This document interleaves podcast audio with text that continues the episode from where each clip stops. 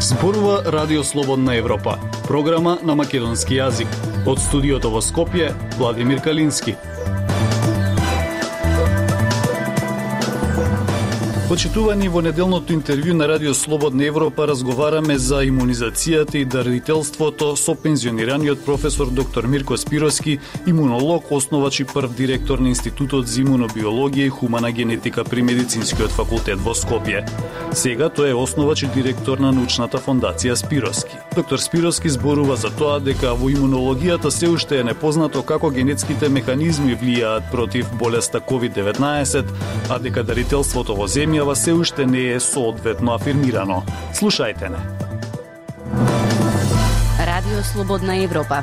Интернет страница macdenes.org Господине Спировски, вие сте имунолог долги години.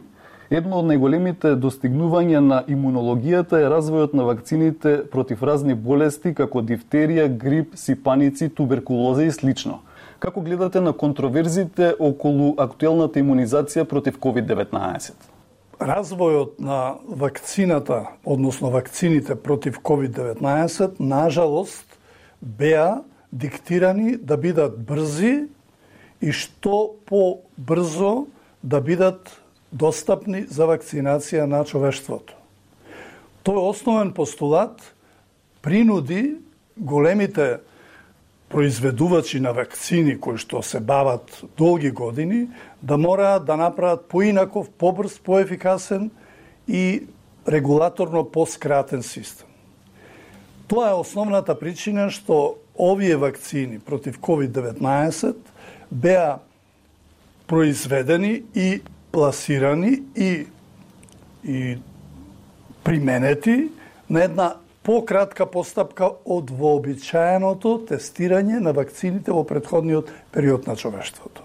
Значи, ова е за прв пат такво нешто да се случи. Се разбира дека принудата беше заради големата брзина на ширење на COVID-19, заради огромниот број на заболени, заради компликации и големата смртност и така натаму.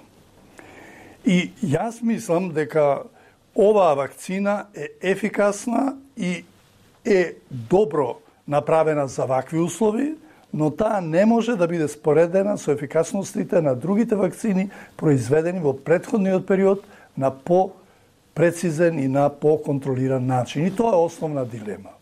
Дали според вас се оправдани стравувањата кај дел од луѓето за долгорочната безбедност на вакцините? Тука последниве 20 години многу се дискутираше и се дискутира се уште особено за комбинираната вакцина која што е ММР на англиски, која што заправо беше јас би рекол оптужена или или и беше сугерирано дека е поврзана со една од тешките болести аутизмот. И од тука произлезе цела едно движење кое што направи да што поголемо внимание се посвети на процесите на вакцинација на квалитетите на вакцините, на комбинациите на вакцините и евентуално на среднорочни или долгорочни влијанија. Тука беа вклучени огромен број на институции, направени меѓународни организации.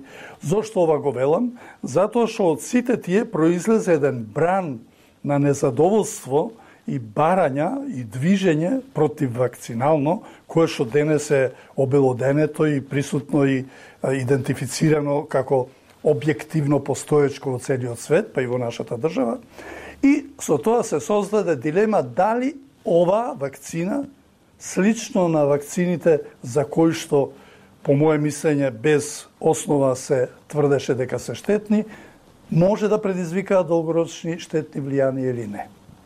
Се разбира дека периодот од примената на вакцината до денес е толку мал, што не може да се извлечат конечни научни заклучоци. Може да се извлечат епидемиолошки, може да се извлечат медицински, клинички и така натаму, но не и научни заклучоци.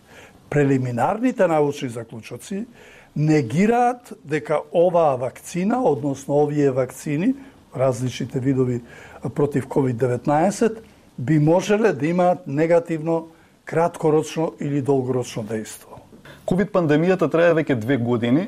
Дали сметате дека имунолозите веќе точно разбираат како оваа болест го напаѓа човекот и како може да се превенира? Прво, имуниот систем е комплексен механизам и тој подразбира две раки, две раце.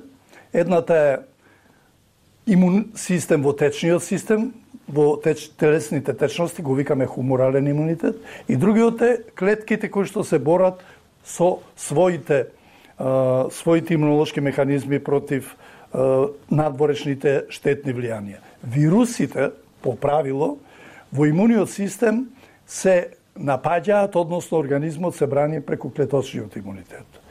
Испитувањата кои што досега се правени за овие две години, главно се правени врз хуморалниот имунитет. Значи, оној кој што е помалку битен, кој што е заедно во соработка со клеточниот имунитет, меѓутоа не е доминантен и не е пресуден.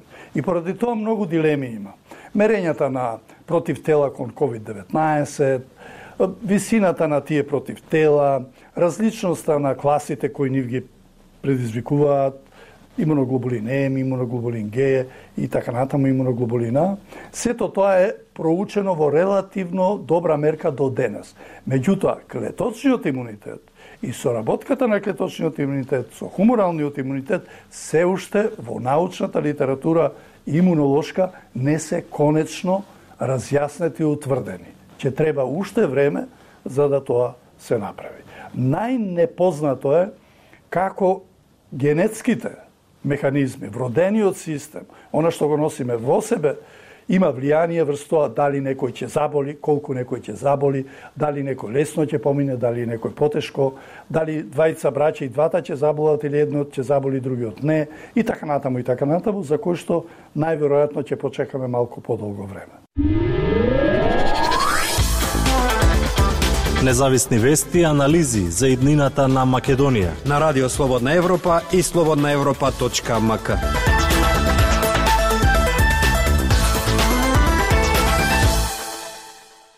Кога станува збор за дарителството, кога е формирана научната фондација и какви се нејзините досегашни активности?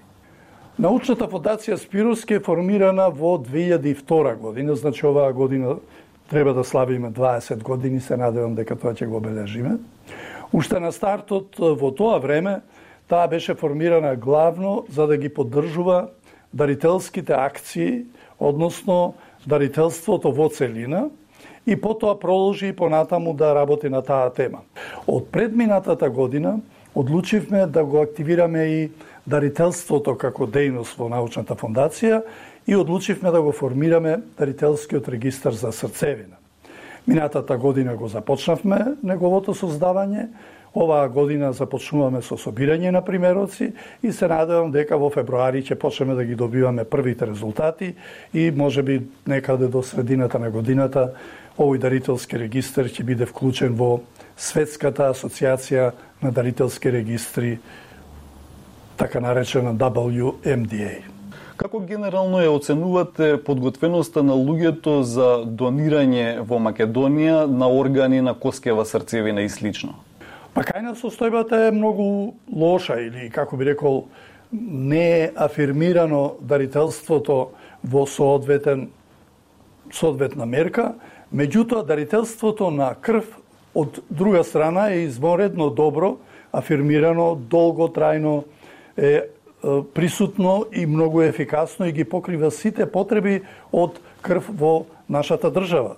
Според тоа, дарителството постои како облик и како е, чувство на на одговорност за учество во него. Напроти, наспроти тоа, дарителството за солидни органи, кое што е многу покомплицирано и по начин на е, изведување, но и по начин на убедување на луѓето и по начин на организација, подолго време не беше афирмирано се до минатата година кога во нашата држава е направен крупен исчекор и кога се направени над пет трансплантации на срце, повеќе на бубрези, на коски и така натаму. Значи, не е тоа дека луѓето не сакаат или немаат спремност тоа да го направат, туку нашата држава нема спремност да поттикне и да направи убедување и организацијска поставка на дарувањето на солидни органи и ткива. Третиот дел од дарувањето на матични клетки, односно на срцевина, е исто така присутен, меѓутоа во многу помалка, помала мера од надвор и имаме многу мала ефикасност на тоа дарување. Тоа ќе каже од дарителите кои што се согласиле да даруваат многу мал број биле избрани за потенцијални дарители. Тоа е бројко 2-3 дарители не повеќе. Тоа е затоа што исто така во овој дел не постои програма за поттикнување на дарувањето на срцевина, односно на матични клетки. Таа нешто се подобри пред две години кога е направена во Министерството за здравство програма за поттикнување, а нашата фондација минатата година доби проект од невладината организација Цивика Мобилитаст, од каде што се финансира нашето учество во поттикнување на свеста и спремноста за дарување на коскена срцевина, односно на матични клетки. Во тој склоп е и нашата активност од минатата година и ќе трае до половината на идната година. Каква е улогата на научната фондација во дарувањето на коскена срцевина? Улогата е практично комплетна, но зафаќа само еден дел од општеството, а тоа е невладиниот сектор. Во владиниот сектор постои дарителски регистр, тоа е на Институтот за имунобиологија и хумана генетика, но во невладиниот ово е прв и овој за сега единствен. Разликата меѓу државниот и невладиниот дарителски регистр е огромна, односно во државните регистри државата со целиот свој капацитет, простор, вработени хемикали, финансирање преку фондот, поттикнување и така натаму ја покрива целокупната активност.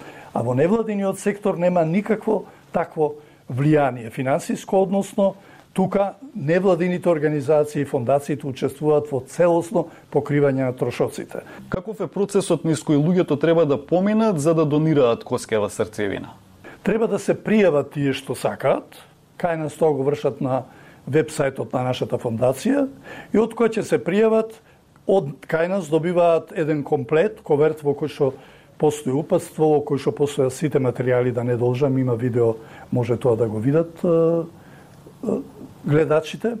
И после тоа со тој комплет сами можат дарителите да земат примерок од образ, тоа се бри со образ, да го внесат во коверти и да го пратат до нашата фондација. Од нашата фондација овие коверти се праќаат во Америка за тестирање на генетскиот состав на потенцијалниот дарител во акредитирана лабораторија за хајала диагностика и резултатите се враќаат назад кај нас во фондацијата. Од нашата фондација овие резултати потоа се внесуваат во специализиран софтвер за дарителски регистри и преку него се внесуваат во базата на податоци на Светската асоциација за дарителски регистри. На тој начин секој кој што сакал да биде потенцијален дарител со завршување на оваа постапка може да биде на располагање во цел свет на било кој ако му е потребна трансплантација на коскена срцевина колку болести можат да се третираат со трансплантација на коскева срцевина? Најчесто и најмногу коскената трансплантација се врши кај малигните заболувања на крвта. Кај нас, меѓународ познати со зборот леукемии.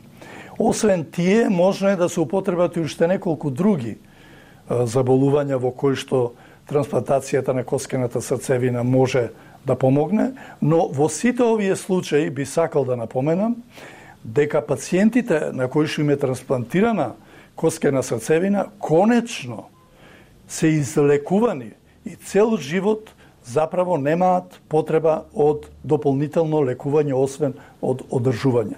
Господине Спировски, ви благодарам за интервјуто. Ви благодарам за поканата. Почитувани слушатели, тоа е се што ви подготвивме во оваа емисија. Од студиото во Скопје ве поздравуваат Владимир Калински и Дејан Балаловски.